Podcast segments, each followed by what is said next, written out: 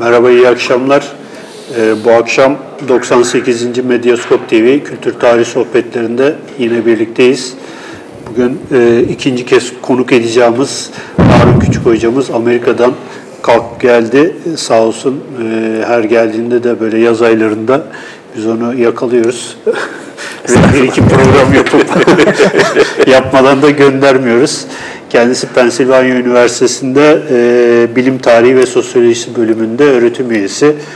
E, bugün e, bu yayının size ulaşmasını sağlayan Arka Kapak Dergisi'ne de yine buradan teşekkür ediyoruz. E, ve bugün e, 17. yüzyıl İstanbul'unda e, tıp üzerine, tıp tarihi üzerine bir söyleşi gerçekleştireceğiz. Hocam hoş geldiniz öncelikle. Hoş bulduk, merhaba. Tekrardan. E, biz e, daha önceki e, şeyimizde, programımızda Müteferrika. İbrahim Müteferrika'nın dünyası üzerine bir Evet. program yapmıştık. Aradan aşağı yukarı bir sene Bir sene geçiyor. Mayıs ayında yapmıştık. Evet, 2017 Mayıs'ında Mayıs'ında yaptık. May- Mayıs'ında yapmıştık. Ee, böyle her sene e, Türkiye'ye geldiği zaman kendisiyle ilminden faydalanıyoruz diyelim. Evet, sağ ve ilminden sağ olsun bizi, bizi kırmıyor sağ olsun. faydalanıyoruz. Çok sağ olun. Ee, öncelikle neden böyle bir başlık e, seçtik? Ondan bir giriş yapalım ve e, bu e, tıp tarihi e, üzerinden konuşurken aslında biraz da herhalde bilim tarihine de bir e, giriş yapmış olacağız hocam. Buyurun. Evet, em, 17. yüzyılda İstanbul'da tıp e, biraz kendine has bir şey bir, bir bakıma. E, Ondan ilgimi çekiyor benim. E, Öte taraftan da e, dünyanın geri kalanına oldukça benzer bir takım e, özellikleri var diyeyim. E, biraz şey o hani İstanbul'un 17. yüzyıl İstanbul'da tıp e, dememin bir sebebi o. E, çok temel bir şey. E, hani İstanbul deyince insanların aklına Osmanlı İmparatorluğu geliyor. Osmanlı deyince insanların aklına İstanbul geliyor. E, halbuki İstanbul'daki yapılan tıpla imparatorluğun geri kalanında yapılan tıp arasında belli farklar var. Ee, mesela Kahire'deki tıpla İstanbul'daki tıp o kadar benzeşmiyor. Diyarbakır'daki tıpla İstanbul'daki tıp o kadar benzeşmiyor. Çok bundan çok da uzun olmayan bir süre evvel bu böyle değildi, çok benzeşiyordu. Mesela işte 16. yüzyılda baktığınızda çok daha entegre bir tıp alemi var. Ee, ve mesela Kahire İstanbul'un önünde. Kahire daha önemli bir tıp, tıp merkezi. Ee, ama 17. yüzyıl itibariyle İstanbul merkez konumuna geçiyor ve az çok e, imparatorluğun sonuna kadar bu konumunu koruyor. Ee, biraz bu var. Ee, ikinci bir özelliği İstanbul'da tıbbın e, 17. yüzyıl itibariyle neredeyse sadece ilaçlara odaklı olması. Yani İstanbul'da tıp nasıl bir şeydir derseniz 17. yüzyılda e, ben size ilaç yapıp ilaç satmaktır derim. Evet.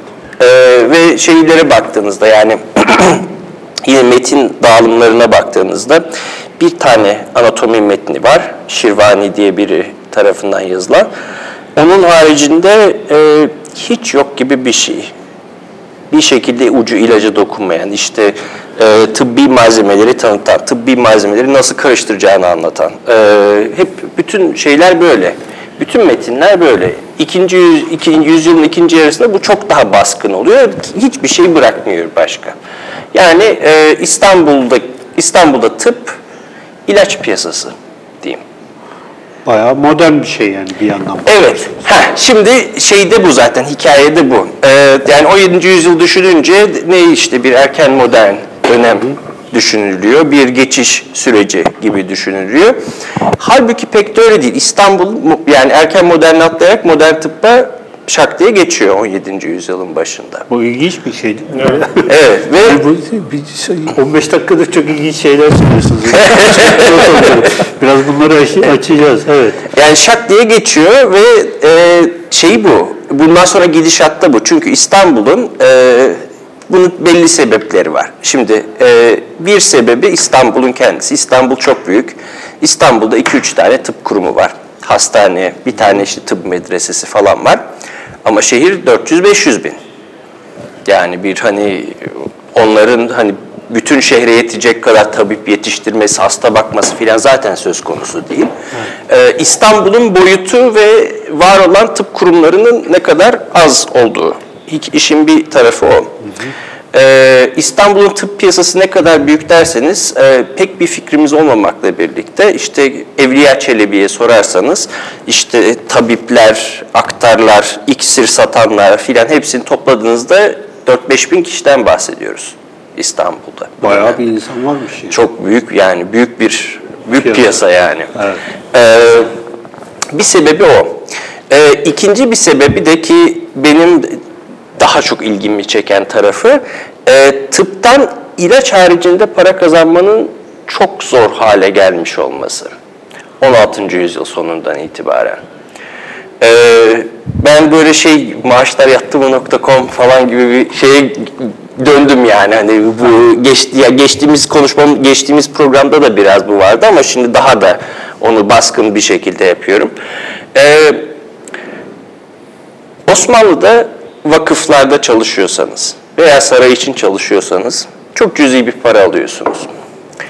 Şöyle ki, e, sene işte ben şeyden gidiyorum, 1730 civarında falan. E, eğer bir hastane tabibiyseniz 20 akçe falan gibi bir para alıyorsunuz yevmiye olarak. 20 akçe ile bu dönemde 3 kilo un alabiliyorsunuz. Evet. Ee, bugün işte şeyden baktım, söke unu ne kadar kilosu diye. sınırının altında yani. Bir de Evet. tabip olmak pek Ee, hiç iyi değil. değil. Evet, üç buçuk lira bir kilo un şu anda. En azından internette öyleydi bugün. Hani güncel fiyat şey yapmaya çalışıyorum. Evet. Enflasyon mu enflasyon neredeyiz bilmiyorum yani. Üç buçuk lira. Günde 10 lira kazanan bir insansınız hastane tabibi olarak. Hastanede tabip başısınız. Çok prestijli bir iş. 50 akçe alıyorsunuz. Evet. 25 lira gibi bir şey alıyorsunuz yani yevmiye olarak. Ee, saraydasınız. Saray tabipliği süper. Ee, saray tabipliğinin yevmiyesi de 30 ila 90 akçe oluyor. Çok değişmiyor yani rakam. Yani yine çok kötü paralardan bahsediyoruz. Yani böyle bir zaten işte bu maaş işlerine girince maaş enflasyon yani bu Şevket Pamuk konuları maaş enflasyon ilişkisine girince şöyle çok garip bir es- 17. yüzyıl resmi çıkıyor. İşte yani bir 16. yüzyılda bir saadet resmi var. 15. yüzyılda bu daha da fazla. Hani bir işte imparatorluk başkenti şey hani böyle saray var, şaşa falan. var, Ha, muhteşem yüzyıl. evet. Ee, 17. yüzyılda e, çeşitli rivayetlere göre Topkapı Sarayı'nın nüfusu 20 bin ila 40 bin. Metrobüs gibi yani. Evet. Topkapı Sarayı'nda İstanbul yaşamak. nüfusunun %10'u gibi bir şey oluyor herhalde? Evet. Ve işte Yeniçeriler şunlar bunlarla birlikte de e, herhalde şehirde saray 60-70 bin kişiye maaş veriyor. Böyle çok açlık sırrının, sırrının çok üzerinde kalacak bir şekilde saraydan beslenen yani şehrin nasıl diyeyim ben size bir çeyreği filan bir şekilde saraydan besleniyor. E, o yüzden maaşlı işlerin hiçbiri iyi değil. E, şey bu, arka plan bu. Ee, bir başka arka plan, İstanbul çok hasta bir şehir. İstanbul'un havası kötü.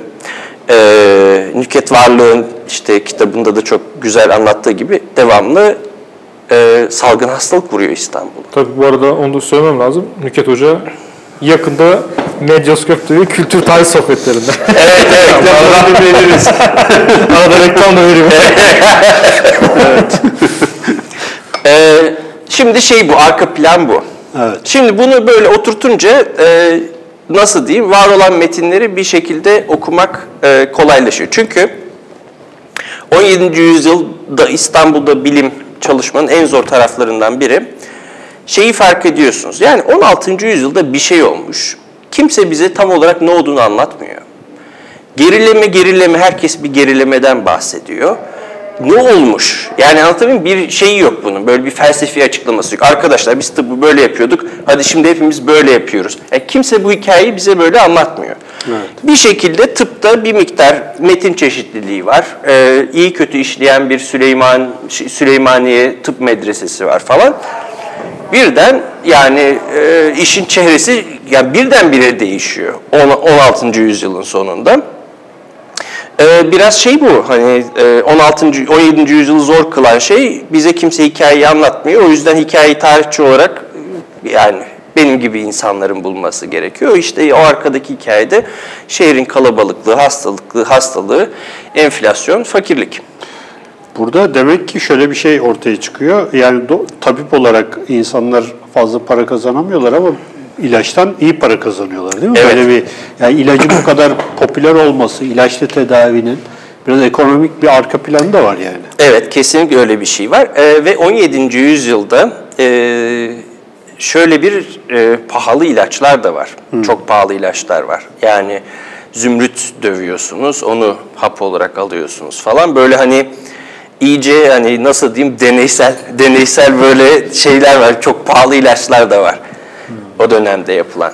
Şeye de gelmek lazım herhalde. Bu tıp medrese yani daha doğrusu medresenin tıpla birleşmesi e, herhalde tabii ben şimdi kitaptan e, bölümü de biraz okudum da o yüzden e, şey yapıyorum e, oradan gidiyorum. Yani Süleymaniye daha doğrusu Süleyman döneminde birinci Süleyman döneminde e, medreseye çek medreseye çekilen bir şey var değil mi? Tıp var. Daha öncesinde medrese dışında e, Evet. müstakil olan bir alan. Evet yani hastanede işte bilindiği kadarıyla e, hem pratik yapılıyor hem şey eğitim veriliyor. Şey bu, öncesindeki düzen bu. Daha medrese tipli bir şeye. Süleyman'la geçiliyor. Tuncay Zorlu'nun çok güzel iki tane makalesi vardır bu konuda. Süleymaniye Tıp Medresesi ile ilgili. Evet, yani o dönemde yani şey gibi oluyor o zaman. Yani Süleyman döneminden bu işlerin hani baş aşağı gitmesi arasında bir 50 sene kadar bir zaman var. Ee, Süleymaniye Tıp Medresesi'nin önemli olduğu dönem o dönem diyebiliriz yani. Peki şeye geçmeden yine bu tıp tarihine geçmeden bu e, artık ne diyelim gerileme mi diyeceğiz artık bunun üzerine e, üzerine bir ton program yapacağız artık. Evet. Şey e, e, konuşacağız onun üzerine de. Sizin gördüğünüz nedir? Yani niye böyle oldu? Yani neden maaşlar düşüyor?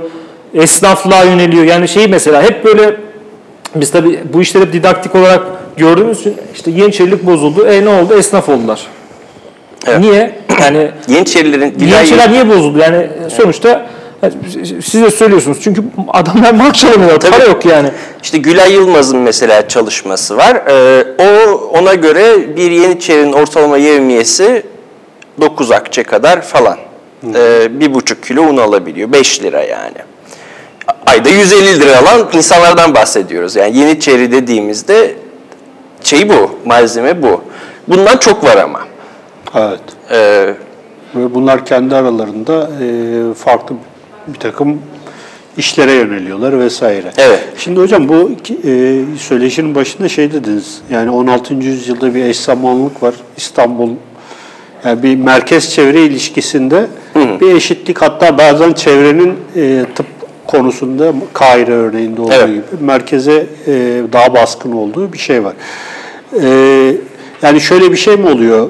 17. yüzyılda birdenbire İstanbul'daki e, şey değişiyor, iklim değişiyor da diğerleri mi e, oldukları yerde sayıyorlar yoksa genel olarak e, bir farklılaşma yani bir felsefi veya işte yöntem olarak bir farklılaşma mı var yoksa nüfusla ilgili bir şey mi var yani bunun sebebi nedir? Ee, şimdi şak diye bir cevabım yok. Ee, ama cevabı birkaç birkaç Evet. tane şeyim var yani. Ee, bunlardan birincisi sanırım e, şey olacak yani Mısır'ın şöyle bir farkı var. Ee, orada böyle işte İslam bilim tarihinden insanlara daha tanıdık gelen yazı türleri, işte e, biraz teorik astronomi, e, işte biraz mesela tıp ders kitabı, e, biraz anatomi. Bu tip şeyler hala böyle az da olsa oralarda devam ediyor. İstanbul'da sıfır. E, bir öyle bir fark var. Yani orada bir şekilde bunlar devam ediyor. İstanbul'da artık hiç icra edilmiyor. E, bir farkı o. İkincisi e, Mısır'ın e, ilaç ticaretinde çok uzun süre bir önemi var. E, 17. yüzyılda bu artık o kadar kalmıyor. Bunun da işte çeşitli sebepleri var. E, mesela Süreyya Faruki'ye bakarsanız onun dediği e, Mısır tüccarı daha çok kahveye yöneliyor. Ha. Ee, daha şey yani hani daha karlı. Ama normalde mesela işte şey var belli bir düzeni var. Nedir işte Hint okyanusundan gelen baharat ilaç malzemesi Basra'da iniyor. Basra'dan Kahire'ye gidiyor. Kahire'den İstanbul'a geliyor. 17. yüzyılda bir de şöyle bir şey oluyor. Şimdi Hint okyanusunda özellikle e, tarçın üretimi ama genel olarak oraların hani nasıl diyeyim e, yönetiminde Hollandalıların çok büyük rolü var.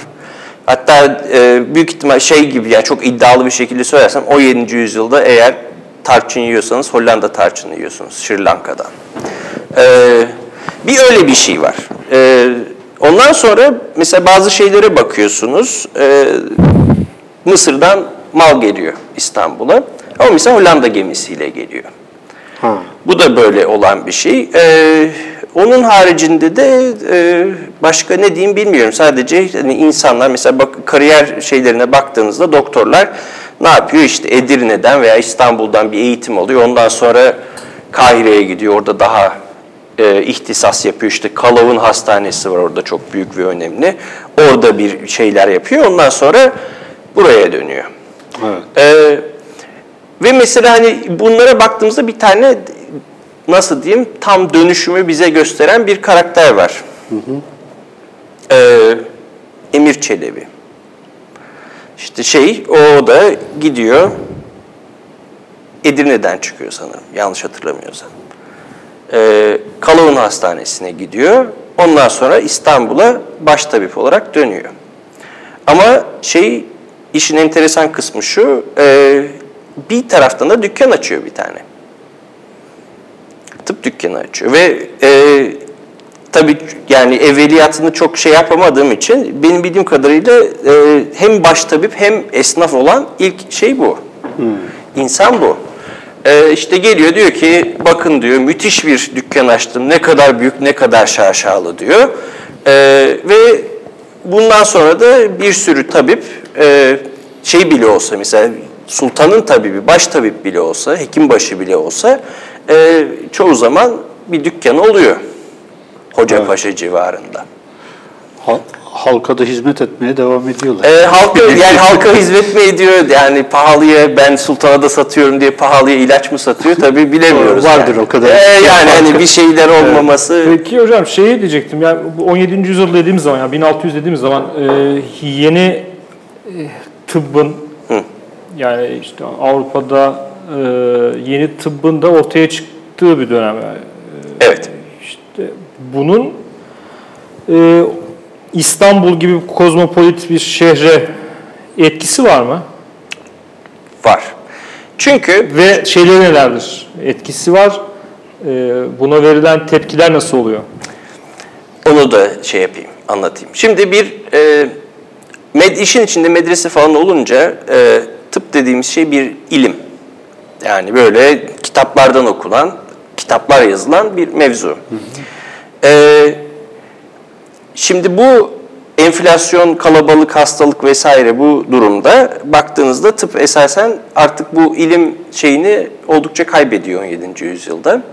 Ve bir amel haline geliyor. Sanatı budur, işte şeyi budur, böyle yapılır, böyle amel edilir falan. Kitapların hepsi böyle bir pratik, tıp pratiğine yönelik. Şimdi bir de işin pratiğine gelince 17. yüzyılda bu arada tabii şey de çok fazla. Yani hani İstanbul'da e, nasıl diyeyim e, tıp piyasası pek kontrol de edilmiyor. İstanbul'da tıp piyasası oldukça karışık. Herkes burada gelip tıp yapıyor. E, ve dediğim gibi bir kere piyasaya, dükkanlara falan girdiğimizde o zaman zaten şeyi kaybediyoruz işte bu hani Müslüman, Türk falan hani öyle bir adamlar yok. Her türlü insan var. Ee, Rum var, Yahudi var, Özellikle Ermeni var. Yahudi doktorlar falan, e, hekimler çok şey meşhurdur ya böyle. Evet, Yahudi hekim de oldukça var. Ee, Avrupalı hekim de çok var. Ee, ve mesela işte şeye baktığınızda şimdi bu yeni tıp akımları denilen şey işte az çok bu simya ile tıbbın yaklaşması, Paracelsus denilen adam. Ee, şimdi orada olan şey bir takım insanlar zaten bunu Avrupa'da icra ediyorlar. Sonra İstanbul'a geliyor, İstanbul'da icra ediyorlar. Evet. Yani Avrupa'da mesela işte üniversitede e, tıp okuyor, Paracelsus görmüş falan geliyor burada e, ilaç satıyor. E, bu arada mesela şöyle bir önemli bir parantez açayım. E, İstanbul'un birazcık da böyle bir etkisi var. Mesela işte Alexander Mavrocordato diye bir adam var işte şey e, divan tercümanı. E, o da mesela Bolonya'da gidiyor bayağı işte tezi falan var. Yok efendim vücudu hareket ettiren pompa kalp midir, şey midir, e, akciğer midir falan. Hani onları yapıyor. Sonra buraya geliyor yine paşaya vezire ilaç satıyor. Yani anlatabildim mi? Bir şeyi var yani böyle bir İstanbul'un da e, o insanları da nasıl diyeyim e, kendine doğru, kendine göre şekillendirme özelliği var. E, ve işte bu yeni tıp hareketi başladığında zaten İstanbul'da bir sürü yabancı tabip var Avrupa'dan gelen. E, kimisi mesela işte bu yeni tıbbı cedid denilen, yeni tıp denilen akımdaki en önemli nasıl diyeyim e, yazar, Avrupalı yazarlardan biri Daniel Sennert diye bir adam. Mesela Daniel Sennert'in öğrencisi var İstanbul'da. Hani böyle şey değil hani o kadar o kadar çok böyle kaynak var ki bir sürü insan var yani. Ee, ve hepsi de para kazanmaya geliyor bu arada. Yani bu konuda da şey değiller. Ee, işte mesela atıyorum gidiyor Bükreş'e orada e, Akademik işte eğitimini alıyor. Yok eğitim için değil yani mesela oraya işte şey e, Konstantin Brankovan diye bir adam var onun tabibi olarak gidiyor. Bakıyor İstanbul'da ilaç satsam daha fazla para kazanırım diyor hop İstanbul'a geri geliyor. Hani bu e, olan bir şey. E, şimdi o tıbbı cedidi de o yüzden bu çerçevede anlamak gerekiyor. Yani bu da bir e, ilaç piyasası hareketi az çok. Evet. Ee, ve tıbbı ceditte ne cedittir derseniz bu konuda e, pek iyi bir kim ben benim çok iyi bir cevabım yok. Ee, çok iyi başka cevap da pek yok. En azından şunu biliyoruz. Ee, ilaç tarifleri, yeni ilaç tarifleri. Ee, yeni ilaç tarifleri, ondan sonra e, hususi olarak Frank aktarlardan alınan ilaçlar e, az çok hep bu minvalde ama yeni tıbbın şeyi, gidişatı. Ee, ve yeni tıbbın hani başlangıç noktası olarak görülen kişi İbn Sellum e, İstanbul'a geldiğinde Halep'ten e, bu kaynakların hepsi zaten İstanbul'da mevcut. Yani Frank aktarlar da var. E, Daniel Sennert'in öğrencilerinin de aralarında olduğu tabipler de var. E, yani var da var. Çok hani İstanbul'da ilaç piyasası şeysiz, e, az çok kontrolsüz, geniş, e, herkese açık, e, tutturabilen herkes tabiplik yapıyor. Mesela bu şeyin içinde e, şöyle bir mesele de var. E, mesela yüzyılın ikinci yarısında hekim başılık yapmış kişilerin herhangi bir resmi tıp eğitimi var mı yok mu bilmiyoruz mesela. Ee, ve aynı şekilde şey de var. Ee, bir sürü insan ilaç tarifi topluyor. Böyle bir Me- Mehmet şey e, Hüseyin e, Hezafen Hüseyin Çelebi mesela. Evet. Değil mi? Şey e, sözlük tabii Sözlük hazırlıyor. sözlük hazırlıyor şey Botanik- sözlüğü. botanik botanik ve sözlüğü. şey, Yani aslında bununla bağlantılı değil mi? Tabii. Tıbbi, Yani geç, tıbbi geçen haftaki programı da buraya bağlayayım. Evet evet yok öyle öyle. Yani olur olmaz herkes şey yapıyor yani, yani ilaç tarifi topluyor. Bu işte mecmualara falan baktığınızda çok karşınıza çıkar. Herkesin bir ilaç tarifi bir yerlerde yazılı oluyor. Ee, yani şey de değil böyle hani profesyonellerin ne kadar olduğunu, ne kadar yoğun olduğunu bilmediğimiz bir ortam. Ee, yani bana tabiplik hizmeti veren kişinin gerçekten öyle bir şeyi var mı? Yani eğitimi var mı yoksa sadece hani bu işi becere gelmiş mi? Onu bilmediğim gibi e, bir sürü insan da e, herhalde kendisine, çevresine ilaç karıştırıyor, veriyor. Böyle bir kültür var yani. Hani nasıl diyeyim? Tam profesyonel bir piyasada değil ama tam amatör bir piyasada değil. Evet. Yani hani yapan da yapıyor ciddi ciddi bir şekilde ilaç kullanıyor, ilaç yapıyor, ilaç satıyor. Evet. Peki şimdi hani e, benim anladığım kadarıyla burada esas İstanbul'un bu kadar öne çıkmasındaki temel şey e, paranın burada hani çok fazla olması ve e, Evet. burada ticaret yapma, ilaç ticareti yapma, Evet. işte tıpla ilgilenmek e, şey haline geliyor. Yani e, gelir getirici bir şey haline geliyor. E, yani bir yandan da e, bu salgın hastalıkların falan mesela ortaya çıkmasında bu, bu piyasanın güçlenmesinin bir şeyi var mı? Yani salgın hastalıklarla bağlantılı olarak mesela bir, bir takım böyle arz talep meselelerinde patlamalar vesaireler var mı? Mesela bununla ilgili bir veri e, var mı elimizde? Ee, yok bende elimde böyle bir veri maalesef yok. Ama e, herhalde zaten vakayı adiyeden olduğu için sürekli veba salgını, kolera salgını Evet. vesaire e, bu devamlı herhalde insanların değil mi e, e, talep ettikleri bir şey yani hani. Evet çok ilaç talebi var. Evet. Ee, evet. Gerçekten yani her her yer ilaç sadece ilaç. Evet bir de şey diyeceğim hocam. Mesela bu medreselerde tıp eğitimi hani belki çok zayıf veriliyor vesaire diyoruz ama hiç akademik eğitim yok mu yani e, şeyle ilgili? Ya da ne kadar var yani İstanbul'da özellikle medreselerde bir yani tıp eğitimi e, akademik anlamda işte e, öğrenci yetiştiren, kendine talebe yetiştiren, işte şi- şifahanelerde şurada burada. Evet. Yoksa bunlar tamamen hani e, birisi ilaç yapmaya yetenekli, usta çırak ilişkisinden işte birkaç kişi iyileştirdikten sonra hop işte şifahaneye alınan veya tabip olan insanlar mı yani?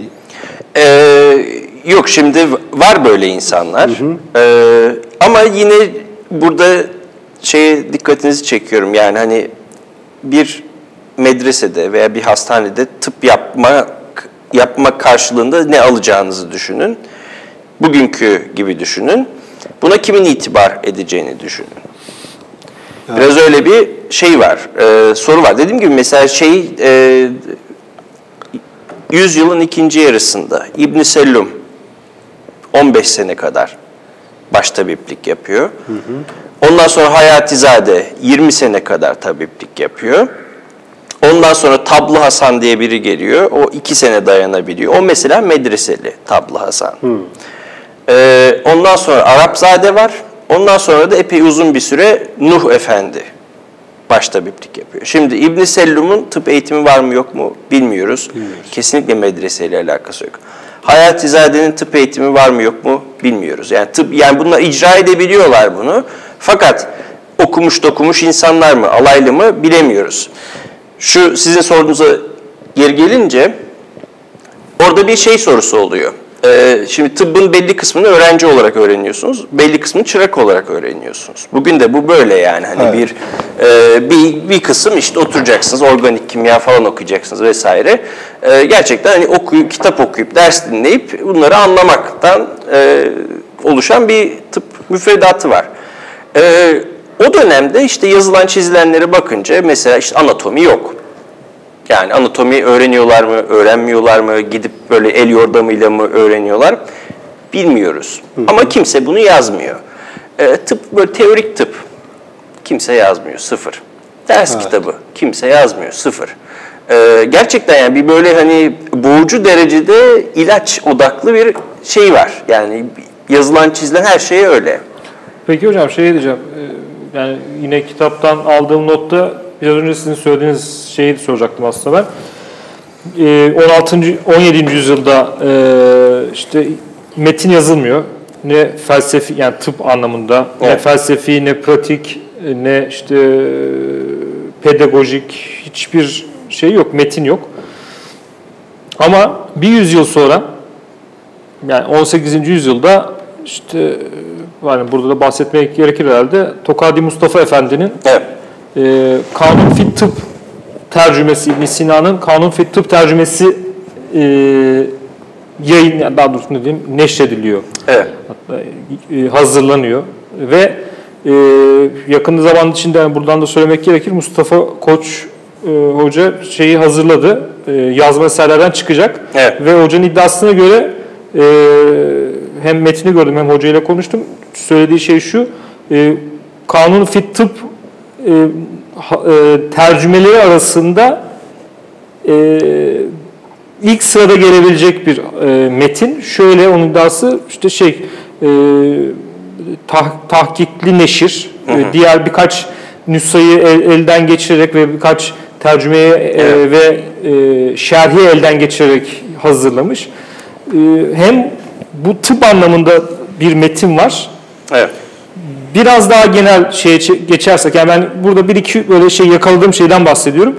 Mesela o dönemde e, yine Arapçadan Pirizade e, mukaddimenin tercümesini yapıyor. Evet. Yani e, mesela 16. yüzyılda e, tıp alanında böyle şey yaparsak boğucu bir e, şeye boğulmuşken e, ilaç üretimine Evet. boğulmuşken bir yüzyıl sonra işte şeyin e, vefat e, Tokadi'nin e, vefatı 1782. Evet. Herhalde 1760'larda falan hazırlamıştır. Yani Evet. on- 18. yüzyılın ortasında en iyi tercüme şey kanun fit tıp yani o dönemin yani modern tıp öncesi dönemin şaheseri diyebileceğimiz bir metnin tercümesi. Evet. Bunu nasıl yorumlayacağız? Şöyle yorumlayabiliriz. Şimdi bu İstanbul'un e, büyük tıp piyasası devam ediyor. Yani o nasıl diyeyim? Temelimiz her zaman o. E, hani dışarıda tabipler bağırıyorlar. E, ben ne yazarsam yazayım tıpla ilgili bir şekilde e, buna göre konumlandırıyorum kendimi. E, bu konumlandırma ne olabilir? Mesela İbn Sellum kendini nasıl konumlandırıyor? Diyor ki o kadar güzel yeni ilaçlar var ki, bu yeni hastalıklar var, bu yeni hastalıklara cevap veren bir sürü ilaç var. Ne güzel diyor. Ee, mesela bu piyasayı kucaklamak. Yani tıbbı cedid zaten o biraz İstanbul'da var olan piyasayı kucaklamak gibi bir şey. İlaçları seviyoruz, ilaçlara inanıyoruz.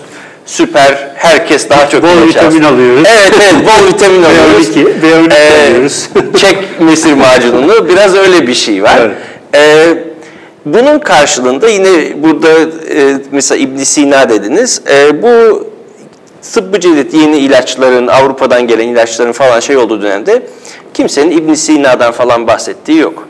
Yani böyle bir şey yok hani ya biz es- eskiden İbn Sina tıbbı yapardık şimdi bunu yapıyoruz gibi bir şey yok.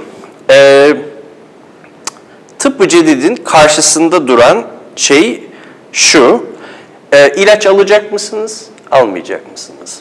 İlaç almamanın bir yolu var, bir adı var. Tıbbı nebevi denilen şey. Evet. E, peygamber tıbbı. Peygamber tıbbını yine dediğim gibi bu piyasaya göre konumlandırdığınızda ne demek? Ben ilaç almıyorum demek. Çok şeyi bu. Mesela Nabi de bu konuda, şair Nabi de bu konuda yazıyor. Diyor ki işte sen piyasadan gidersen, e, ilaç alırsan seni tecrübe tahtası yapar bu tabipler diyor. Hiç ki hiçbiri okullu değil, hepsi alaylı, hepsi para şöhret peşinde. Da- Dayarlar antibiyotik. Evet evet tecrübe tahtası yaparlar. Sen diyor ki Muhammed'in yolundan git onun söylediği sana yeter diyor. Mesela bu şey tutum anlatabildim mi? Böyle e, ilaç piyasasını tamamen reddediyorsunuz. evet. E,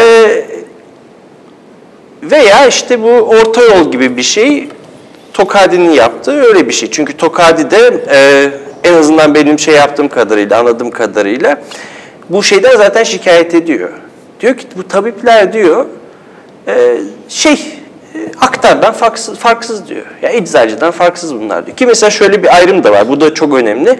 E, e, tabip İstanbul'daki bir tabibe vergi vermeyen bir eczacı derseniz çok da yalan olmaz. Biraz ona geliyor yani bu 17. yüzyılda ve bu düzen devam ediyor. Ee, şimdi herhalde bu Tokadi'nin metnini böyle şey yaparım. Peki, e, Tokadi böyle bir piyasanın olduğu bir yerde, e, piyasanın içinde olmanın verdiği, yani sağladığı karı, piyasanın dışında olmanın e, verdiği açlık ve hani önemsizliği şey yaptığımızda, göz önünde bulundurduğumuzda Tokadi gibi bir adam nasıl ortaya çıkıyor gibi bir soru var. Şimdi ben Tokadi'nin biyografisini pek iyi bilmiyorum açıkçası.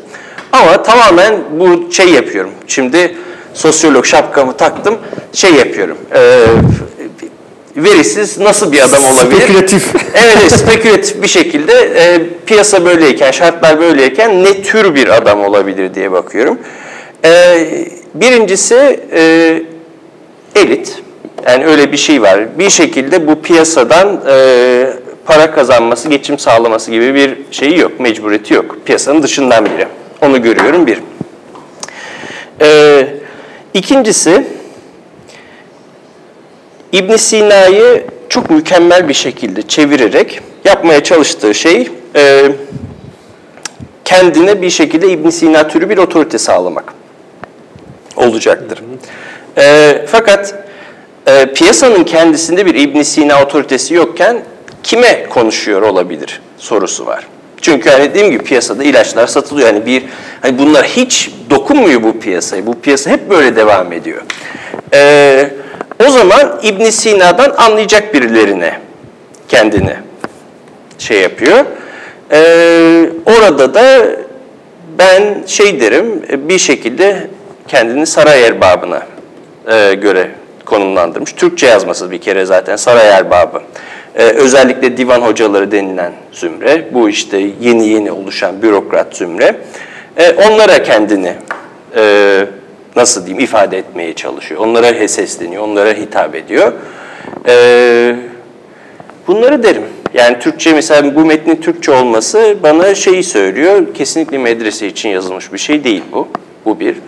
Ee, ibn Sina gibi artık hani bu dönemde antika kalmış bir eseri çekip çıkarması da dediğim gibi bir şekilde hani kendini piyasanın dışında piyasanın üstünde konumlandırıyor ve piyasanın dışında ve üstünde olan başka insanlara hitap ediyor derim. Üçüncü bir yol arıyor yani. Üçüncü bir yol arıyor. Böyle aristocu, şey orta yol arıyor. Yani ne piyasayı tamamen şey yapayım, reddedeyim, ne şey peygamber tıbbı yaparak kendimi tamamen piyasadan çıkarayım. Evet. Ama piyasanın da bu kadar şarlatan dolu kimin ne yaptığı belli değil. Çok da sarılmayayım duruşu. Arist yani çok klasik bir aristocu duruş yani. Muhtedil gidiyor. Evet. Evet, muhtedil yani. Şimdi si- sizi dinlerken bu, bugünkü güncel tıp tartışmaları geldi yani benim aklıma. 300 yıldır aslında aynı şeyler tartışılıyor. Mesela bugün aşı karşıtları var. Evet. Değil mi? Yani adam işte çocuğumu aşılatmıyorum bilmem ne falan Evet. filan. İşte emperyalizmin bir takım oyunları vesaire Evet. bağlayanlar var. Veya işte dini sebepten aşılatmayanlar var. Ee, ne bileyim antibiyotik karşıtları var, antibiyotik işte yandaşları var vesaire. Ama yani bu tartış hatta şey geldi aklıma Molière'in hastalık hastası oyunu vardır. Hani bilirsiniz. Orada da eee doktorun bildiği iki tane şey vardır. Hacamat etmek ve bilmem ne. Evet. İşte e, şeyde onunla alay eder Molière'de. Biliyorsunuz Molière e, e, hasta oluyor ve doktorlar onu tedavi etmeyi reddettiği için ölüyor. Bir de onun öyle Ha, bir... ben bunu bilmiyordum. Tabii o kendi oyununun kurbanı oluyor yani. bir de şey var mesela şimdi gelirken e, üst geçitte vardı. Şimdi senin söylediğin biraz daha devam ettireyim. Geleneksel tıp. Evet. Yani Evet. işte e, ahlat e, ahlat erba üzerinden işte e, vücutta bulunan dört sıvı e, üzerinden işte ta işte Hipokrat, Galen üzerinden gelen bir şey var. Tıbbi gelenek var. İşte bunlar sı- sıvının dengelenmesiydi, yok hacamattı, Evet. işte yemek yemekti. E, yani bu, bu Arist, bir yandan da Aristo'ya da aslında Aristo'nun mantığına da yani Evet. daha doğrusu mantığına derken düşüncesine yakın bir şey. Mutedil olma. Mesela şimdi hala o şey var. Gelenek var yani ona benzetebilir miyiz? Çünkü o bir tarafta gelenekselciler var. Hala geleneksel tıbbı savunuyorlar. Yani bu işte ahlat erba, hacamatçılar hatta onlara da şey de çıktı artık böyle izinler falan da çıktı herhalde. Evet. Ee, ama diğer tarafta da yeni e, çıkan mesela işte şeyler ilaçlar, Paracelsus veyahut işte Avrupa'da çıkmış yeni Evet. şeyler, e, tedavi yöntemleri. Çünkü 16. yüzyıl hatta 14-13'e kadar gidiyor bu teşrihler, anatomiler. Şimdi ben de biraz bu tıp tarihine de biraz baktım da neler var neler yok diye. İşte bu teşrih mevzusu bir e, 13 14. yüzyılda başlıyor işte İtalya'da. İnsanlar anatomi çalışmaya çal- başlıyorlar. E, e, kimyayla işte Paracelsus bağlamında ilişki kurmaya çalışıyorlar. Yani ilaçla tedavi. Öncesinde ondan da biraz bahsetmek gerekir mi? Yani o nasıl yapıyorlardı, nasıl tedavi ediyorlardı? Ee, Valla yani hacamatçıları bilmiyorum ama Osmanlı tabii bir ilaç satıyor. Öyle, öyle diyeyim. Öyle yani. ama öncesinde mesela şeyde de öyle miydi? 16. yüzyıl öncesinde de böyle miydi? 15'te, 14'te yani o geleneksel tıbbın Evet. olduğu ya da tıbbı nebebinin illa tabii bu şey Evet. de ayrı yani. Şimdi geleneksel dediğimiz şey içinde de hem tıbbı nebevi var. Evet. Mesela çok ilginç bir şekilde buradan şey düşmek gerekir. e, not düşmek gerekir. İbn Haldun mesela tıbbi nebeviyi şey diyor. Ya o dönemin Arap gelenekleridir diyor. Çok böyle rasyonel bir şekilde e, kabul etmiyor yani. Evet. E, bizde de zaten hani e, ne oluyoruz falan diyenler var. Şeyde ise mesela bir de Galen'den gelen işte bu ahlat teorisi yani onları biraz tabii birleştiriyor ama hani bu şimdi geleneksel dediğimiz şey için farklı farklı şeyler de var aslında. Tabii. Kanalları da var. Farklı farklı giden kanallar da var. Evet. Şey öncesinde de böyle miydi? 16. yüzyıl öncesinde de e, hep ilaç mıydı? Hep yani bugünkü gibi miydi? Yok. Değildi. Bugün hani sürekli gittiği zaman antibiyotik yazıyorlar. Yok değildi. E, şunu söyleyebilirim. Şimdi 17. yüzyılda e, bir dönüşüm yaşanıyor. Bunun Avrupa ile filan alakası yok. E, yani Rusya'ya gitseniz de ilaç esas. Çin'e gitseniz de ilaç esas. Polonya'ya gitseniz de ilaç esas. E, buradaki mesele biraz şu, e, tıp talim ve taallüm ederek para kazanabiliyor musunuz, kazanamıyor musunuz? Çok net soru bu. E, ve dünyanın pek çok yerinde bunu kazanamıyorsunuz.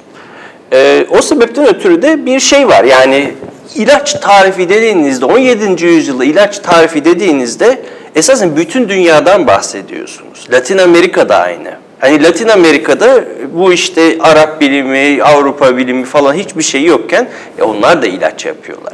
Çin'de de ilaç yapıyor. O zaman bir küresel bir durum var. Şey nedir peki bu altındaki sahip nedir? Küresel olmasının sebep? Ee, yani Hayatta bir kalma içgüdüsü.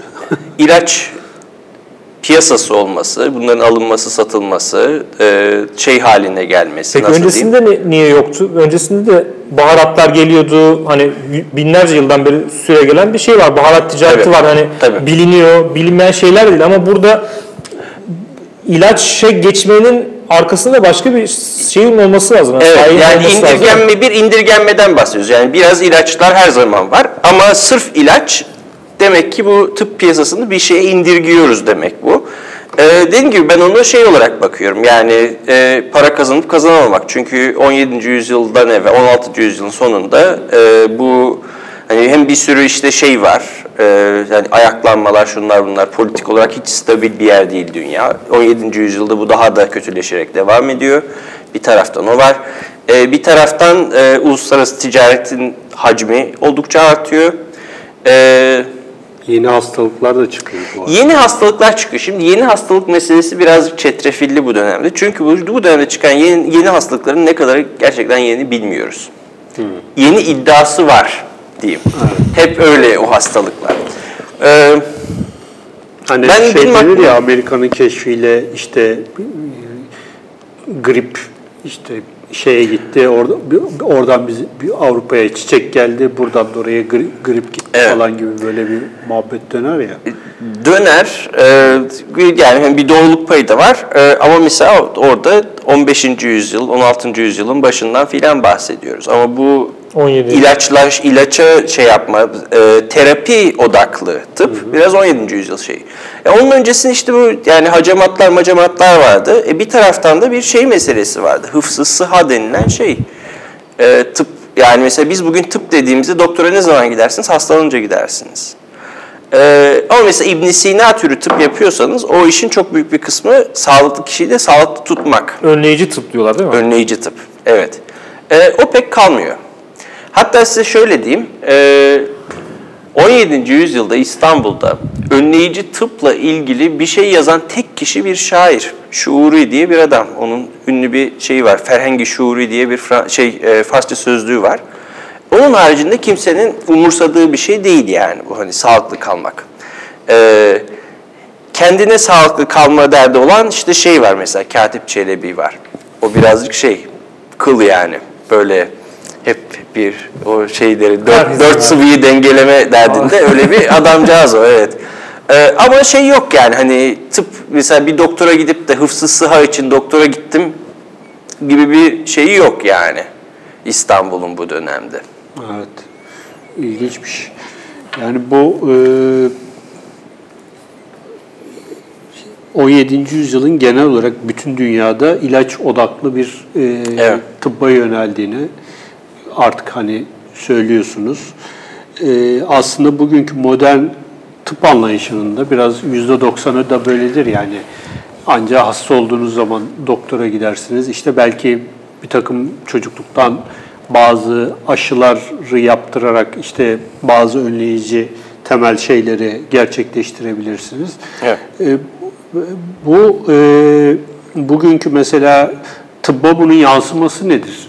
Mesela 17. yüzyıldaki bu mantalite değişiminin bugünkü tıp endüstrisiyle bir e, doğrudan bir bağlantısı var mı sizce? Ee, var.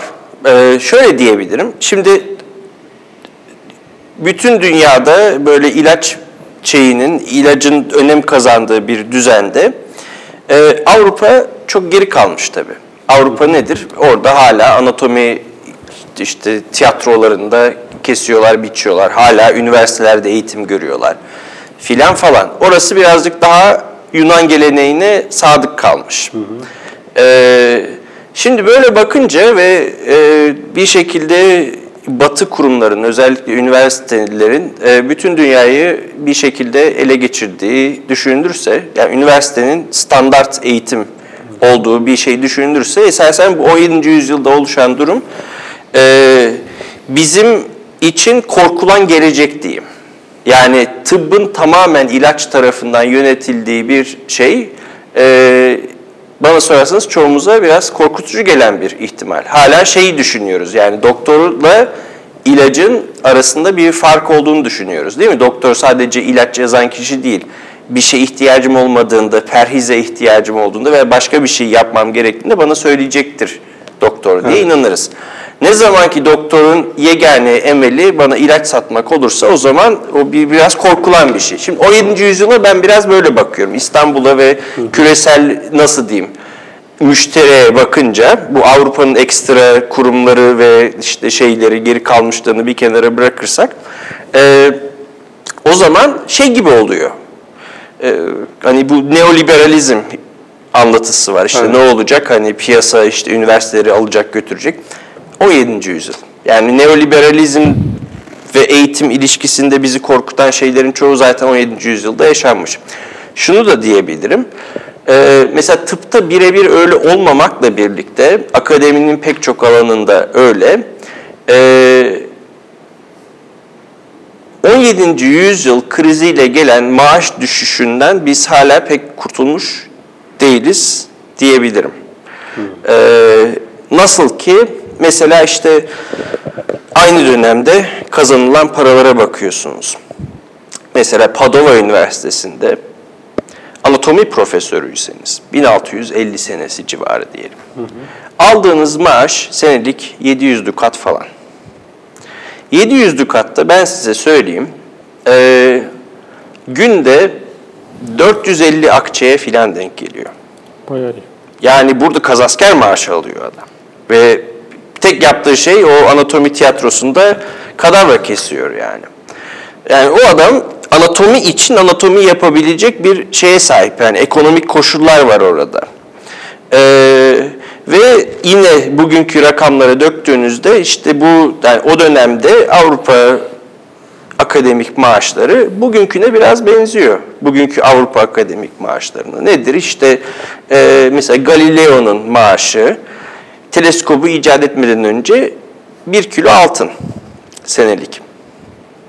Yani şey para alıyor da içeriğinde bir kilo altın esas orada belirleyici olan. E, bir kilo altın bugün ne 45-50 bin dolar para.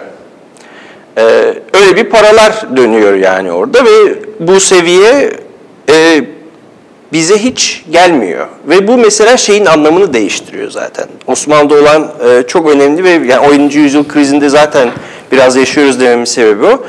E, bu şeyin anlamını değiştiriyor. Mesela tabip olmanın anlamını değiştiriyor. Mesela hastanede tabip olmak, e, yani bir süre insanlar şey yapıyorlar. Bu e, enflasyon ilk vurmaya başladığında işte şikayet ediyorlar. Gerilemeye girdik, eskiden böyle değildi. Ama bir noktadan sonra insanlar diyorlar ki tabip olmak böyle bir şey. Çok az bir para alacaksın. Sonra hastanelerde evet hastanelerde sürüneceksin ya da çıkacaksın ilaç satacaksın. E şeyde de bu böyle. Mesela e, biraz konu dışı olmakla birlikte mesela 17. yüzyılda İstanbul hikayelerinden bir başkası da şeriatçılık. Yani İstanbul'da bu Kadızadeli hareketi, şeriat falan çok ön plana çıkıyor. E mesela öyle baktığınızda müderris maaşlarına bakıyorsunuz. İslami ilimlerden nasıl para kazanacaksınız? Kadılık yaparak. Kadıya önemli olan şey ne? Şeriat. Yani anlatabildim mi? Hani böyle bir e, öyle bakınca paket biraz daha oturuyor.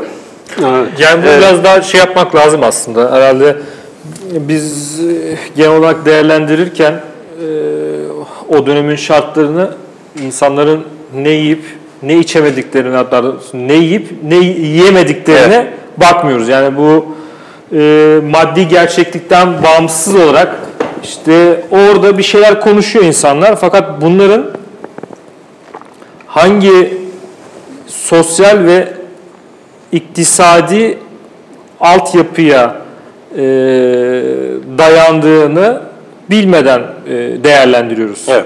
Yani işte bu es, Yeniçeriler esnaf oldu. Niye? İşte savaşlara gidemediler, para kazanamadılar. E, Evet. yani e, şeyi oturtturamıyoruz. E, sosyal gerçekliğine, o dönemin sosyal gerçekliğine oturtamıyoruz. Yani sürekli olarak işte bir e, şöyle di- di- didaktik bir anlatım var. İşte öyle oldu, böyle böyle oldu. Evet. Ama bunun altında yatan iktisadi, sosyal sebepleri bilemiyoruz. Yani biraz daha bu şey kısmını belki de açmak lazım. U- e, 17. yüzyılda mesela geçen hafta yine e, burada konuştuk. E, Hezafen Hüseyin Efendi. Bunlar mesela ulemadan değiller. Değil. Mesela Katip Çelebi memurluktan gelme. Katip. ismi üzerine Katip. Evet. Ee, yani bununla bu sayıları çoğaltabiliriz. Mesela bu dönemin tıbbı da biraz şey yaparak, e, içinde bırakarak ama biraz daha konuyu genişleterek, Evet. ulemasından, veyahut da ulema da dememek lazım aslında onlar, ulema değil yani katip çelebi ulemadan değil. Ee, o dönemin e, okur yazar, e, kişilerinden, fe- fertlerinden bahsetmek gerekiyor. O Nasıl yani ilim hayatından aslında, ilim Evet. hayatından bahsetmek gerekiyor ama bunlar da ulema şey değil. e, akademiye bağlı değiller. Evet. Dışarıdan e, kendi paralarıyla kendilerini finanse eden veyahut da başka şekilde finanse eden insanlar. Bunlardan biraz bahsedelim. bahsedelim. Ee, şimdi e, ulema değil dedik. Şey anlamında ulema değiller. İlim tarikinden değiller Evet, bu adamlar. medreseden gelmiyorlar değil mi? E, medreseden gelmiyor. Daha da önemlisi medresedeki o yani adım çünkü ulema olmak demek çok net bir şekilde bu dönemde medreseden başlayarak adım adım adım tırmanıp kadılığa varmak, işte mevleviyet denilen yüksek kadılıklara varmak, sonra da işte kazaskerlik filan. Şey bu, yani ilim tariki bu. Ka- kadı yine sonuçta değil mi? Yani en sonunda varacakları yer Tabii zaten hani insanların evet müderrislik yapmalarının çok büyük bir sebebi yani ucunda o ödül yoksa o müderrislik hiç yapmaya değer bir şey değil. Ee, esas mesele o iyi kadılıklardan birine yerleşmek çünkü o zaman para kazanıyorsunuz. Ee, o işte yani medresenin e, bir hukuk okuluna indirgenmesi hikayesi biraz bu. Çünkü yine hukuk her zaman baskın medresede ama sadece hukuk değil medrese. 16. yüzyılda böyle değil, 15. yüzyılda böyle değil, evvelinde böyle değil. Böyle bir e, şeyin içinde ulema bu demek. Yani bir şekilde kadı olma ümidiyle bu iş bu işe girmiş olan insanlar. Şimdi Hezarfen Terlisül Beyanı'nda ulemalardan ulemadan bahsederken ulema arasına şeyi de katıyor mesela. Müneccim de ul- ulemadan, tabip de ulemadan, katip de ulemadan. İmam da ulemadan, herkes ulemadan gibi bir öyle bir ortam yaratıyor. Nominalleştiriyor yani. Alim olmanın anlamını nominalleştiriyor. Çünkü katip katiyen alim değildir. Yani o şeye gir- girmiyorsunuz. O kariyer yolunda değilseniz alim değilsiniz. Ee, onun böyle hakları makları da farklı yani. Ama mesela Hezarfen kendini alim görüyor. Ona getireceğim. Yani katipleri alimlerin arasına katıyorsa o zaman katip şey kendisi de bir katip olarak kendini alim görüyor. Şimdi böyle bir şey var. Ee, şey için de bu farklı değil bu arada yani e, Katip Çelebi için de bu farklı değil yani hani yol bu ben bu şeyden kariyerden değilim ama Ben de iyi biliyorum diyor. Yani kendini alimden sayıyor. Ee, şimdi böyle bir şey var. Bu dönemdeki Çelebilerin işte alim olup olmadıkları sorusuna büyük ihtimalle e, o kötü medreselerde o düşük maaşlara 20 sene çalışmış birine sorsanız katiyen alim değildir diyeceklerdir. Ama daha dışarıdan daha spor katip gözünden bakınca ne farkı var diyebilirsiniz yani. Bence biraz olan bu. Bence sizin şimdi bu e, az önce verdiğiniz örnek zaten bütün meseleyi açıklıyor. Bu Padova Üniversitesi'nde bir anatomi profesörünün günde 450 akçe Evet. para kazanmasıyla işte bir, bizdeki bir e, tabibin medresede e, işte günde en fazla 5-10 akçe kazanması arasında korkunç bir şey var E, ve herhalde bu, bu aslında ta bugüne kadar da e, gelen işte Evet. akademisyenlerin e, Türkiye'deki akademisyenlerin yaşam standartlarıyla Evet. işte ne bileyim e, batıdaki bir akademisyenin yaşam standartları arasındaki genel uçurumun yarattığı Evet. bir mecburiyet durumu var. Yani insanlar geçinmek için e, işte doktor geçinmek için işte ilaç pazarlama iş- işine giriyor. E, ne bileyim e, akademisyen olsa bir üniversitede bilmem kaç senede edineceği birçok şeyi belki sadece hani iyi bir e, hastanede e, daha sonradan e, kullanacağı bir titr için e, kullanmayı tercih ediyor vesaire. Şimdi burada e, bizim bu e, 17. yüzyıldaki bizim tıp anlayışımızla işte piyasaya yönelik sadece e, sorun çözen, tedavi eden tıp anlayışıyla işte batıdaki daha böyle araştırmaya yönelik e, işte Evet. ne bileyim insan e, ya orada da illaki e, ilaç piyasası vardır değil mi? Yani Tabii ki çok ilaç var orada, Orada da. da, vardır. Ama bir yandan da böyle bir e, daha işin e, nedenine yönelik bir e, kurumsallaşmış bir süreç de e, Evet. bir yandan var. Bu, e, bu mesela e, şeyi değiş etkiliyor mu acaba? Mesela on- 17. yüzyıldan itibaren siz hani belki e, bilmiyorum bu konuya ne kadar şeysiniz.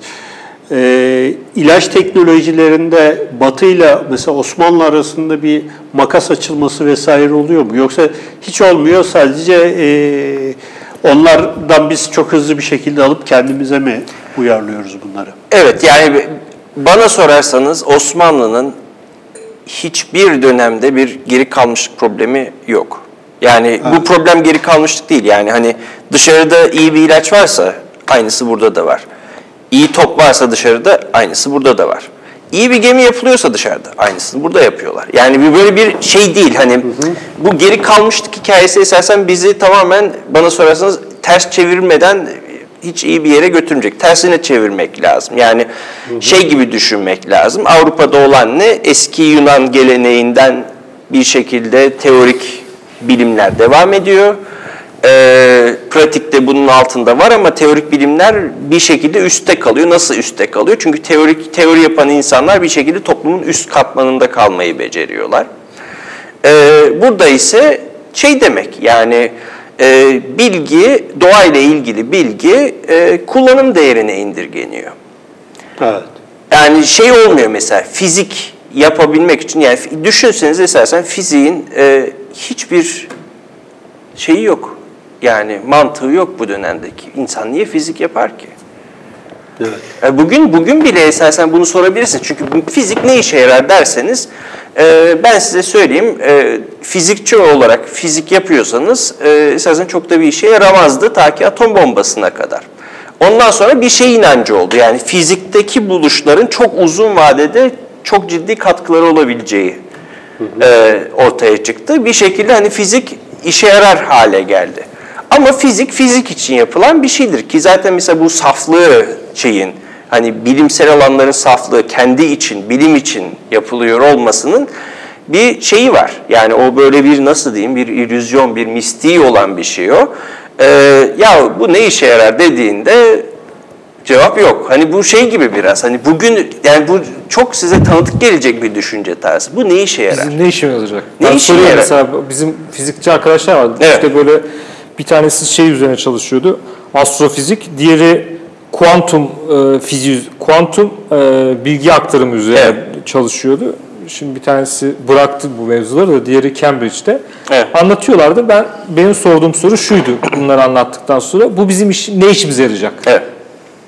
Yani bu tabii e, bu atom bombası öncesinde hatta modern dö- dönem öncesinde fizik bizzati kendisi için de şimdi pratik yani teknoloji teknolojiyle bağlantı kurduğumuz için artık e, fiziğin işte işte kuantum fiziğinin, kuantum bilgisayarlarının işte buna Evet. bağlantısı olduğu için önemli. Yani Evet. bir pragmatik bir sonucu var. Yani Şimdi hem mesela pragmatik. e, artık öyle pazarlanıyor diyeyim fizik. Ama mesela bir şey var. E, üniversiteler bu işte hani pragmatik bilgi üretiminin artık hat safhada olduğu mesela Google, Apple gibi yerler falan. E, bir taraftan böyle bir şey var işte şu işe yarıyor, bunu yapıyor falan gibi. Ama oralarda hep bu işte geek denilen, nerd denilen kesinlikle yaptığı şeyin kendi içinde müthiş önemli olduğuna inanan insanlar var. Yani iyi fizikçi öyle oldu. İyi fizikçi şey gibi biri değil yani.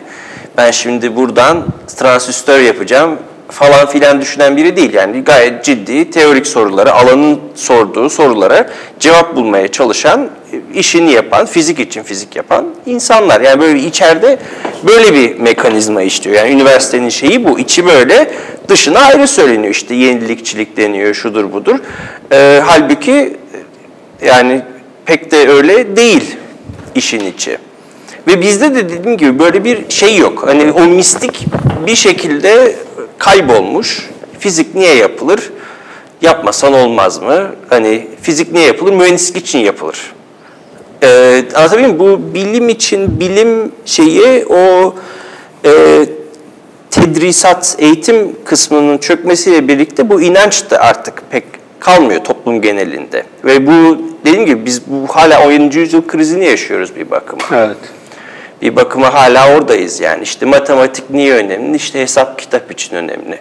Ee, filanca niye önemli? İşte şunu yaparsın, bunu yaparsın. Hani anlatabiliyor muyum? Hep böyle şeye bakıyoruz. Ee, kullanım değerine indirgiyoruz bilgiyi ve hani hızlı kullanım bedelini indirgiyoruz. Bu da mesela önemli bir şey. 17. yüzyılda bu e, hızlı kullanım dediğimiz şeyin öne çıkmasını e, öne çıkmasını şeyden görebiliyoruz. Mesela kimsenin ya ben bütün hayatım boyunca oturdum, çalıştım bu tıp kitabını yazdım. Bu astronomi kitabını yazdım gibi bir şey yok. Yani böyle Osmanlı'da şey gibi hani bugün bir şey olur ya olay olur şak bir, biri kitap yazar o konuda. Ya nasıl yazdın dersiniz işte ne bileyim işte Trump başkan oldu. 3 ay sonra şak diye bir Trump biyografisi. Ya ne zaman yazdın? Hani insan anlatabildim mi? Böyle Evet. bir şey var. Hani etki tepki çok hızlı bir şekilde şey yazılması. 17. yüzyılda da bu böyle. İşte e, ne oluyor? Veba salgını oluyor. Sene 1653 çat. İbn Sellum 1654'te şeyi çıkarıyor, kitabı çıkarıyor. Yani ne, ne zaman araştırır, ne zaman ya? E, mesela şeyi oluyor. Sefer zamanı astroloji önem kazanıyor. Fallar bakılacak falan. Çat birden astroloji öğreten insanlar türüyor. Yani böyle bir anlatabiliyor muyum? Şey, Yıldızname çıkıyor falan. Evet evet ve şey kısa yani hani e, nasıl diyeyim gelecek algısının oldukça kısa olduğu bir şey bu. Evet. Ve bu mesela kariyerle falan da alakalı. Nedir işte insan bugün kariyer dediğimizde kariyer esasında bir, bir çeşit zaman algısı. Nedir işte ben şimdi okula gideceğim, sonra master yapacağım, sonra doktora yapacağım, sonra yardımcı doçent olacağım filan falan. Hani böyle bir 20 senelik, 30 senelik tercihen hayat boyu bir şeyi yani zaman algısında kendinizi öyle konumlandırıyorsunuz. Şimdi Osmanlı İstanbul'un da bu durum pek böyle değil. İşte mesela müderris olacak olsanız atandın, atanamadın, atanamayabilirsin. Ondan sonra mü- medrese Atanamayan müderrisler. Atanamayan diye Facebook grubu kurarsın. var zaten yani evet. Var mı öyle? var var o dönemde var yani. Ehli öyle bir şey yapmıştık benim hatırladığım. Öyle şeyler yürüyor. Bir siz değilsiniz, evet. İşte hani atandın ama medreseden medreseye atlarken boşa düştün, kadron çıkmadı falan. Hani böyle bir Günde üç akçeye talim ediyorsun. Evet, biraz veya sıfır akçe o da olabiliyor. Yani sıfır da ola- Evet. olduğu oluyor yani. Ee, ve mesela hani böyle bakınca buradaki bir sürü insanın pek öyle bir uzun vadeli gelecek şeyi de yok. Yani yarın ne olacağını bilmediği için insanlar öyle şey düşünemiyor. Ben 30 sene okuyacağım ve büyük fizikçi olacağım, büyük tabip olacağım. Hani böyle bir şey kalmıyor anlatabildim mi? Evet. Hocam şey aslında e, başta söylediğiniz başka yine başka bir mevzuya geleceğim buradan da e, yine konuşurken aklıma geldi. Bu ilaç pazarının o artması. E, şimdi e, ve Mısır falan deyince benim aklıma doğrudan Mısır çarşısı geldi. Evet. Mesela 16. yüzyılın ortası, pardon ben 16-17 hep mevzusunu şey yapmışım. 1700'lerin e, 17. yüzyılın ortasında pardon 1650'lerde inşa ediliyor ve ismi Mısır Çarşısı. Yani Mısır'dan gelen şeyleri satıyorlar. Yani bir yandan da demek ki böyle bir e, pazar genişliyor. Aslında hani bu şeyi de bu çöküş işte e, gerileme mevzusu üzerinden de e, bunun üzerine konuşmak lazım yani. Bunu mesela şey geriledi diyoruz. İktisaden çöküşe uğradı diyoruz. Fakat kalkıp 16. e, 1650'lerin ortaları, ortasında Mısır çarşısını yapıyorlar. Şöyle diyeyim. Var yani bir arz, arz talep ya bunu ka- ya bir pazar var ki pazar kuruluyor. Evet. Şimdi şöyle bir şey var. Şimdi e, İstanbul'da tabiplerin çoğu da, aktarların çoğu da o Eminönü'nde dar bir şeye bayağı yoğun bir şekilde oraya yerleşmiş durumdalar. Şimdi bu tıbbı cedidin çıkması 1664 gibi filan bir tarihe denk geliyor. E, ve burada bir zamanlama önemli çünkü 1660 yangını oluyor. Oralar tamamen yanıyor. E, yani hani orada ciddi Hiçbir şey şey, kalmadı. evet sermaye yok oluyor yani bütün o baharatlar şunlar bunlar yok oluyor. Hani o dönemde işin Frank tariflerine falan geçmesinin bir sebebi bu olabilir. Yani ben bunu ancak spekülasyon olarak şey yapabiliyorum ama eee Eminönü yanıyor, tabip dükkanları gidiyor, aktarlar gidiyor, hiçbir şey yok. Eee, o zaman ne yapacağız? İlaçları Franklerden alalım Galata tarafında. Gerçi orada da 1659'da bir yangın oluyor ama 1660 Eminönü yangını kadar büyük değil kesinlikle. Ee, ve böyle bir zamanlama var esasen hani orada bir zamanlama manidar durumu kesinlikle var.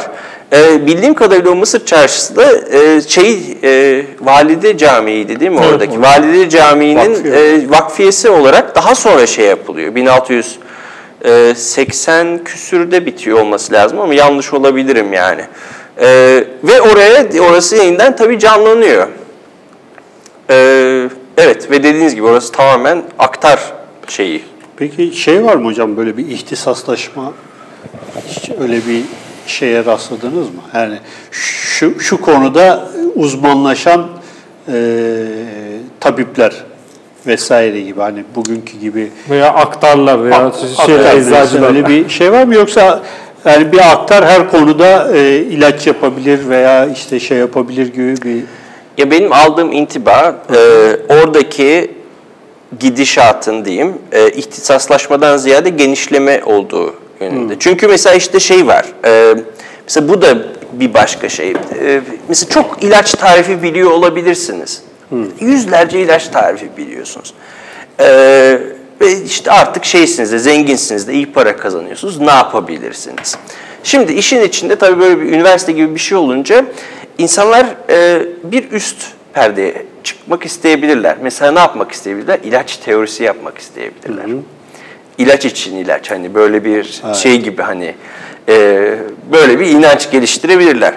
E, yahut e, böyle bir şey yoksa, ortam yoksa olacak olan nedir? E, ilaç defteriniz büyür de büyür. Daha da uzun bir ilaç defteri yazarsınız. Daha da çok tarif toplarsınız. E, ve Osmanlı'daki, İstanbul'daki gidişat daha çok bu yönde. E, gitgide artan, kabaran ilaç tarifleri. Var mı böyle defterler hiç gördünüz mü? Yani var işte çok şey yani mesela atıyorum işte şeyde e, işte İbni Baytar'ın şeyi var. E, Muhallecat denilen bir şeyi var, kitabı var. Kısa bir şey, 100 sayfa falan. 18. yüzyıl ortasına geldiğinizde 1500 sayfadan falan bahsediyorsunuz. İyi toplamışlar Evet. yani. Ee, tabii burada şey var. Yine bu gidişat dünyanın her yerinde var. Mesela Avrupa'da da böyle. Avrupa'da da böyle artık iyice kabarık şeyler oluyor. Ta bir noktada insanlar diyor ki tamam bu kadar toplamayı bırakalım. Çünkü o topla toplama işi de şey olmuyor yani hani e, denedim ettim yani çok deney, denedikleri ettikleri şeyler de var ama o tariflerin hepsi öyle denenmiş şey yapılmış hani bu işliyor tarifler değil. Toplamak için toplanıyor. İşte mesela atıyorum mükerrer şey de oluyor orada. Ee, Dioscorides'ten bir tanesi geliyor. Bu sonra bir tane Avrupa'dan geliyor. İşte dirhemi, drahmı tutmuyor. Malzeme adları yanlış çevriliyor filan falan derken esasen mesela aynı tariften 3 tane, 4 tane, 5 tane olabilir yani. Ama bir iki yani böyle bir şey var. Ee, e, nasıl diyeyim? Tarifin mantığı böyle ham bir şekilde bunları biriktirmek. Bu şeylerin ilaç çeşidinin artması en azından yazılı olarak. Koleksiyonculuk da var yani bir anlamda böyle bir tas, tasnif koleksiyon. Evet yani işin biraz evet, öyle bir tarafı da o. Yani bir, bir şey var çünkü hani o ilaç tariflerini birileri gerçekten topluyor, e, yazıyor yani. Evet. Yavaş yavaş toparlayalım. Yani Hocam e, senin soracağın benim yok. Hocam sizin söyleyeceğiniz Ee, yok valla ben de çok keyif aldım da zaman nasıl geçtiğini anlamadım burada. bir saat 10 dakika olmuş yani. saat 10-15 dakika olmuş. Ee, bugün böyle güzel, keyifli bir program yaptık. 17. yüzyılın tıp piyasası da aslında 20. 21. yüzyıldan çok farklı değilmiş. Yani e, bugünkü tıpla ilgili temel tartışmaların neredeyse tamamı 17. yüzyılda da e, var olan e, tartışmalarmış. Bugün en azından bunu öğrenmiş olduk e, genel hatlarıyla.